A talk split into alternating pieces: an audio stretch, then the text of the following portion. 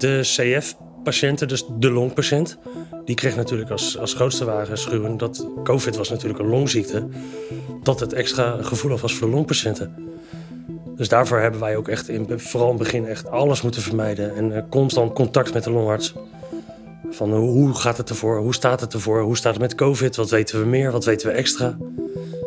De wereld neemt maatregelen tegen corona. In Nederland de eerste besmetting met het coronavirus. Er is een tweede geval van coronabesmetting in Nederland. Sinds gisteren zijn er opnieuw acht Nederlanders overleden aan de gevolgen van het coronavirus. En dat betekent dat er steeds sneller meer mensen besmet worden en ziek zullen worden. Het totaal staat nu op 1135. COVID-19 can be characterized as a pandemic. Er zeker 6000 besmettingen zijn. Europa geldt als het nieuwe epicentrum. Het virus verspreidt zich razendsnel. Een crisis van ongekende omvang met maatregelen die niet horen bij een land in vredestijd. Afstand houden, binnenblijven. Outbreak management team. Alle scholen per direct Je dicht. laptop openen en college volgen op je studentenkamer. En alle sociale contacten zoveel mogelijk vermijden. Het coronavirus kunnen wij niet stoppen. Het eenzaamheidsvirus wel. En dat kan de maatschappij ontwrichten. Overal in Nederland komen nu initiatieven van de grond. Niet dichter dan anderhalve meter. Verwachte toename van het aantal We moeten niet IC-patiënten. allemaal tegelijkertijd besmet Van raken. enorme omvang. Patiënten die daar soms weken tot maanden op wachten. Noodkreet van de Nederlandse Federatie van Specialisten. will have to learn to live with the virus. Het testproces bestaat uit vier stappen. De ontwikkeling van een vaccin tegen COVID. Via een app waarin een QR-code wordt gescand. er zijn zelfs scheid aan coronafeestjes. In de Leidse van de Werfpark werd de anderhalve meter regel niet nageleefd. Eén op de vijf jongeren dacht er zelfs over na om een einde te maken. We have to protect each other if we want to protect ourselves. Gebeurt dit echt? Hoe ernstig de situatie is waarin we zitten, dat dit ook niet over een paar weken eh, weer weg is, dat het lang gaat Zo, duren. niet zomaar Iedereen voorbij. Drie jaar geleden stond de wereld op pauze. Op de voetbalvelden werd niet meer gelopen. In de theaters werd niet meer gespeeld. In de restaurants werd niet meer gegeten.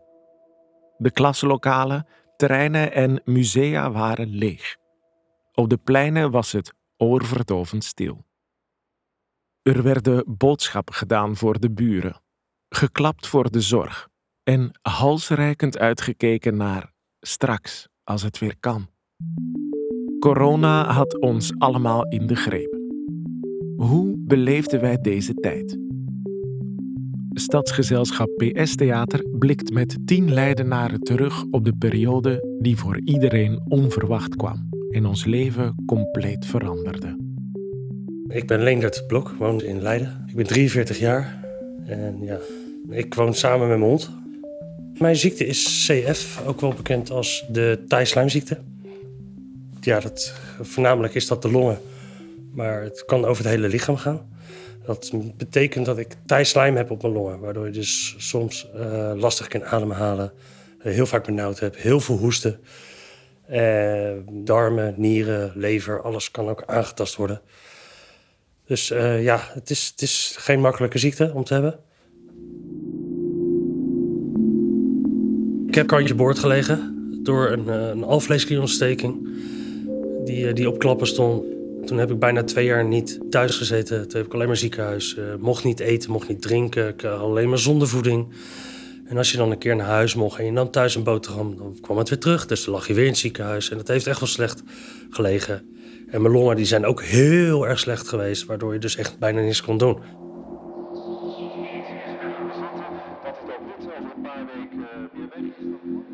Ik zat niet voor de buis, want ik ben geen, eh, geen type wat journaal luistert. Maar ik kreeg een eh, telefoontje van mijn longarts. Dat ik dus eh, vanaf heden huisarrest had gekregen. dus ja, eh, contact gehad met, met werk. En nou, eerlijk onze bedrijfsleidster die zei van... ik ga niet tegen de longarts in. Dus ik heb echt een paar maanden thuis moeten zitten. Boodschappen thuis laten bezorgen door middel van mandjes voor de deur. En eh, zoveel mogelijk contact vermijden. Ik vond het een ramp. Want ik ben heel erg onder de mensen graag. De eerste weken zat ik dus echt thuis, kon ik dus echt gewoon niks doen, mocht niks doen. En je verveelde je eigen helemaal wezenloos. Eh, ik bedoel, ik heb geloof ik de computer wel tien keer uitgespeeld. Om het uur ging je maar even een kwartiertje wandelen met de hond. Ja, wat kon je doen? En wat mocht je doen? Dat, dat was het gewoon. Dus ja, nee, ik had er, ik had er echt, wel, eh, echt wel problemen mee. En dat, dat merkte hij ook wel echt in mijn koppie. Ik, uh, depressief wil ik niet zeggen, maar je, je zat niet lekker in je vel. Vroeger werd ik altijd geremd. Van hij kan dit niet of hij mag dit niet. En ik zou het niet doen, want dan wordt hij dadelijk ziek. Dat kregen mijn ouders altijd te horen.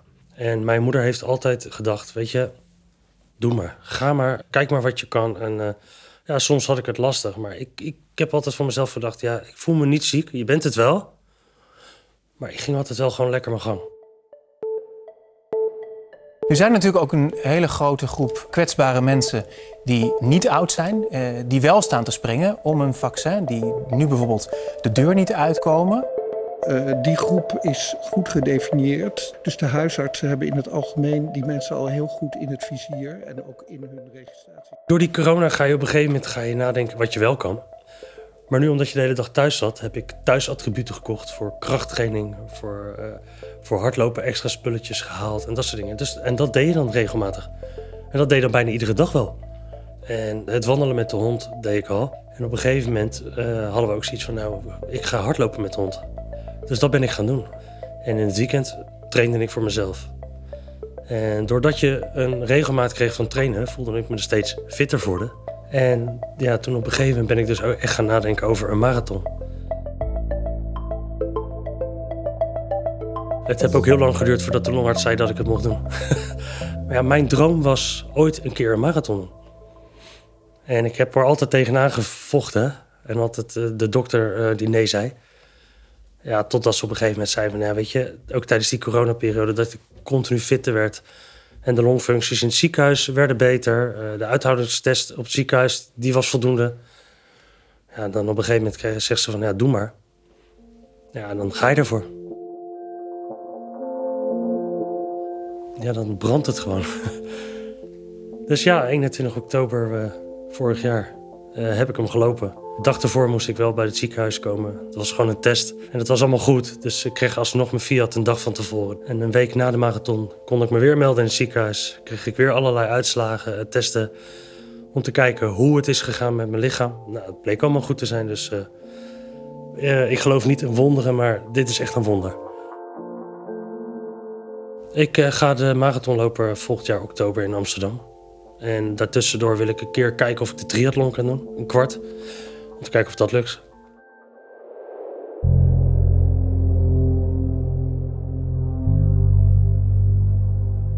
Wanneer de coronapandemie een steeds stillere echo wordt en de wereld weer sneller draait dan voorheen, lijken we soms te vergeten wat er achter ons ligt.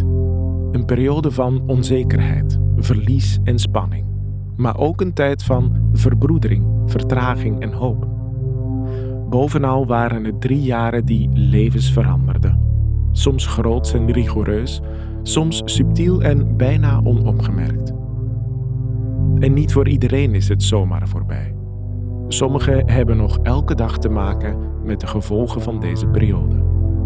Wat hebben we nodig om diegenen die achterop zijn geraakt te helpen?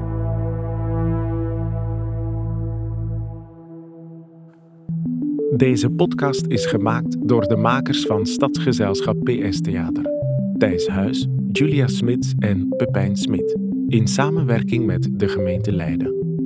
De muziek en mixage is in handen van Ralf Gerritsen. Wij willen Amina, Kishore, Leendert, Lonneke, Aukje, Peter, Sylvia, Trudy, Walter, Samer en Ali heel erg bedanken voor het delen van hun verhalen.